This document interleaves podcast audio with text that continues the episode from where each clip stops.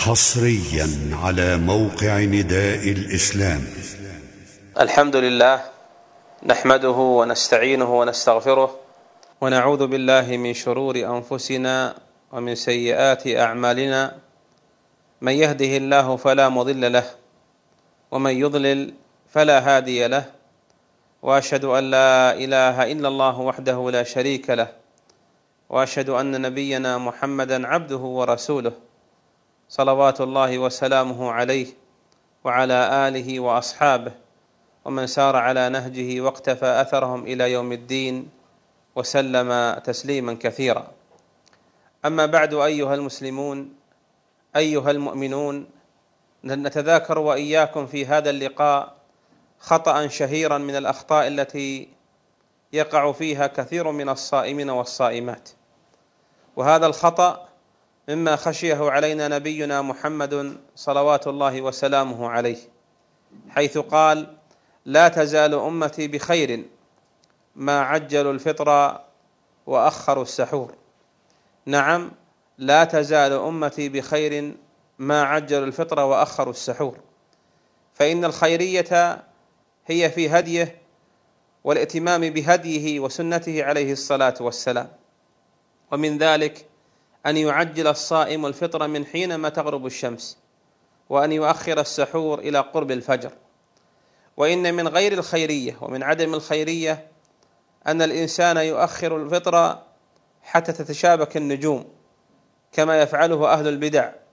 فإنهم لا يفطرون إذا صاموا إلا إذا ظهر النجم من قبل المغرب من قبل المشرق. لا يفطرون إلا بظهور النجم من قبل المشرق. وهذا خلاف هدي النبي صلى الله عليه وسلم وسنته وشرعه. بل خلاف قول الله عز وجل فكلوا واشربوا حتى يتبين لكم الخيط الأبيض من الخيط الأسود من الفجر ثم أتموا الصيام إلى الليل. والصيام إنما ينتهي حده بغروب الشمس وهو إقبال الليل. ودليل ذلك أيضا من السنة النبوية أن النبي عليه الصلاة والسلام كان في سفر مع أصحابه وكانوا صائمين. فقال لأحد أصحابه انزل فاجدح لنا. فقال يا رسول الله النهار. فقال انزل فاجدح لنا. ومعنى قوله اجدح لنا أي اخلط الماء بالسويق وهو نوع من أنواع الطعام. فقال يا رسول الله الليل. فقال صلى الله عليه وسلم. إذا أقبل الليل من ها هنا وأشار إلى المشرق وأدبر النهار من ها هنا وأشار إلى المغرب فقد أفطر الصائم. وكان عليه الصلاة والسلام يرشد الصحابة إلى الصيام وإلى الفطر بمجرد غروب الشمس. ولهذا نهاهم عن الوصال أي أن يواصلوا الليل بالنهار في الصيام. فقال قائل منهم إنك يا رسول الله تصوم. قالوا إن قال صلى الله عليه وسلم إني لست كهيئتكم. إني أبيت يطعمني ربي ويسقيني. فلما لم ينتهي بعضهم عن النهي عن الوصال واصل بهم يوما ثم يومين ثم طلع رؤيا هلال العيد هلال عيد الفطر. فقال لو أنه استمر يوما ثالثا لواصلت بكم كالمنكئ بهم أي المنكل بهم. لماذا؟ لأنهم لم يأتمروا بأمره. والوصال حكمه أنه مباح لكن إلى نصف الليل. من أحب أن يواصل فليواصل إلى نصف الليل. أما الأفضل والأكمل فأن يفطر الإنسان بمجرد غروب الشمس. والعبرة بالإفطار أن تسقط الشمس في الأفق فيغيب قرصها عن الناس فعندئذ يفطر الصائم ويدخل وقت صلاة المغرب. وفي هذا أن بعض الناس يؤخر الإفطار حتى يصلي صلاة العشاء يصلي صلاة المغرب أو حتى تظهر النجوم من قبل المشرق. وهذا كله خلاف سنة النبي عليه الصلاة والسلام وإنما كان هذا شأن اليهود في صيامهم أنهم لا يفطرون حتى تتشابك وتتعاقد النجوم. والمستحب لك يا أيها المسلم أن تفطر على رطبات. فإن لم تجد فعلى تمرات. فإن لم تجد فتحسو حسيات من ماء. كذا كانت سنة النبي عليه الصلاة والسلام. وكان أحب الطعام إليه التمر وأحب الشراب إليه اللبن. فيستحب أن تبدأ بالتمر وللتمر رطبه من باب أولى أو تمره المضمود بعد ذلك له مزية في النفوس وعلى الأجسام والأبدان لأن هذا الجسد لما كان فارغا من الطعام نهاره كله يستحسن أن لا يدخل إليه إلا ما كان سهل الهضم وكذلك الحال في التمر في رطبه وفي تمره فإنه جلوكوز مادة الجلوكوز مادة السكرية غير المركزة التي يمتصها الجسم بسهولة. ولهذا من أفطر على تمر أصاب السنة أولا ثم لم يكلف معدته وبطنه ثانيا في أن تهضم ذلك. ومن الناس من يضع الإفطار كله جميعا في الدسم وفي الشحم واللحم والأرز وغير ذلك. يضعه جميعا ثم إذا أكل تكاسل عن صلاة المغرب.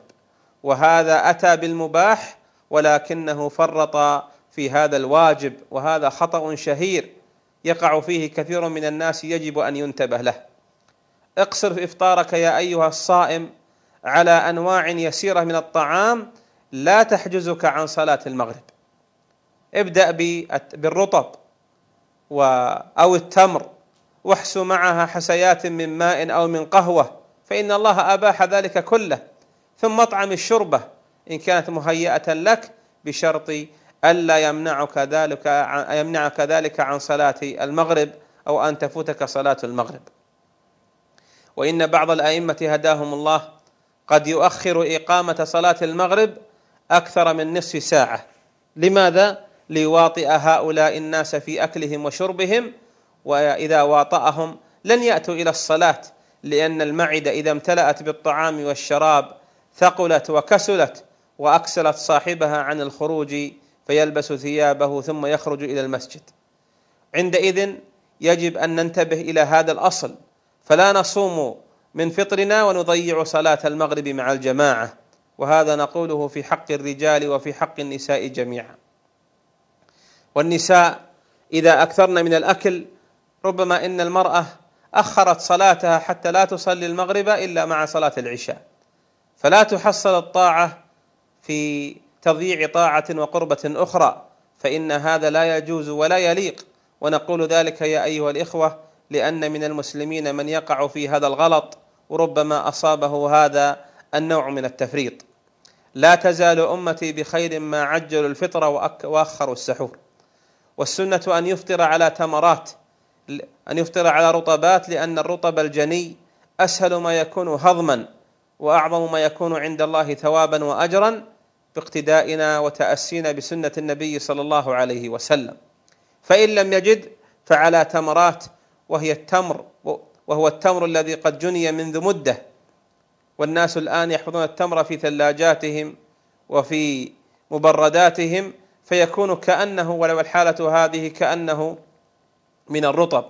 فإن لم يجد فإنه التمر إما أن يكون ميبسا أو يكون آه، مضمودا مكنوزا فإن هذا وهذا يسمى عند الناس تمرا فإنه يفطر على تمرات فإن لم يجد فليحس حسيات من ماء يشعر نفسه أنه أفطر ويقع حقيقة بالفطر. ولهذا قال عليه الصلاة والسلام إذا أقبل الليل منها هنا وأدبر النهار منها هنا فقد أفطر الصائم وقال لا تزال أمتي بخير ما عجلوا الفطر وأخروا السحور. فانتبهوا يا أيها الإخوة ويا معاشر المسلمين والمسلمات إلى إظهار هذه السنة في تعجيل الفطر من حين ما يؤذن للمغرب أو من حين ما تغرب الشمس. فإن هذه سنة نبيكم صلى الله عليه وسلم وبهذا يزكو صيامكم وتعظم أجوركم عند ربكم باقتفاء هديه عليه الصلاة والسلام.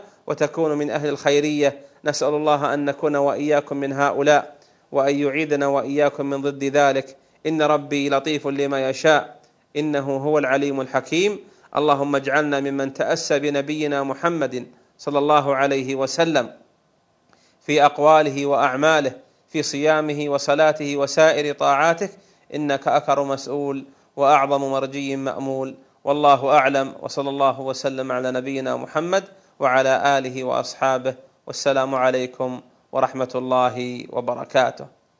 تم تنزيل هذه المادة من موقع نداء الإسلام www.islam-call.com